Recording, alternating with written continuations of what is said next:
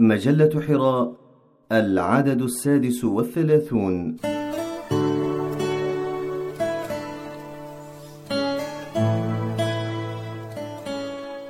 الموازين بقلم الأستاذ فتح الله جلن.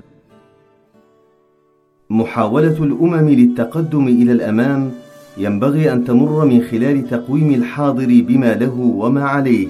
مع الاستفادة من تجارب الماضي وإيلائها أهمية حقيقية وإلا نكون قد ظلمنا الأجيال الصاعدة وتسببنا في ضياعهم.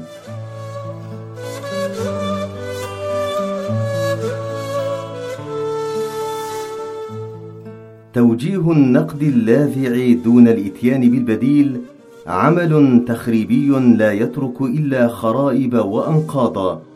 أما النقد البناء مع ذكر البديل فهو سبب للإصلاح والإعمار.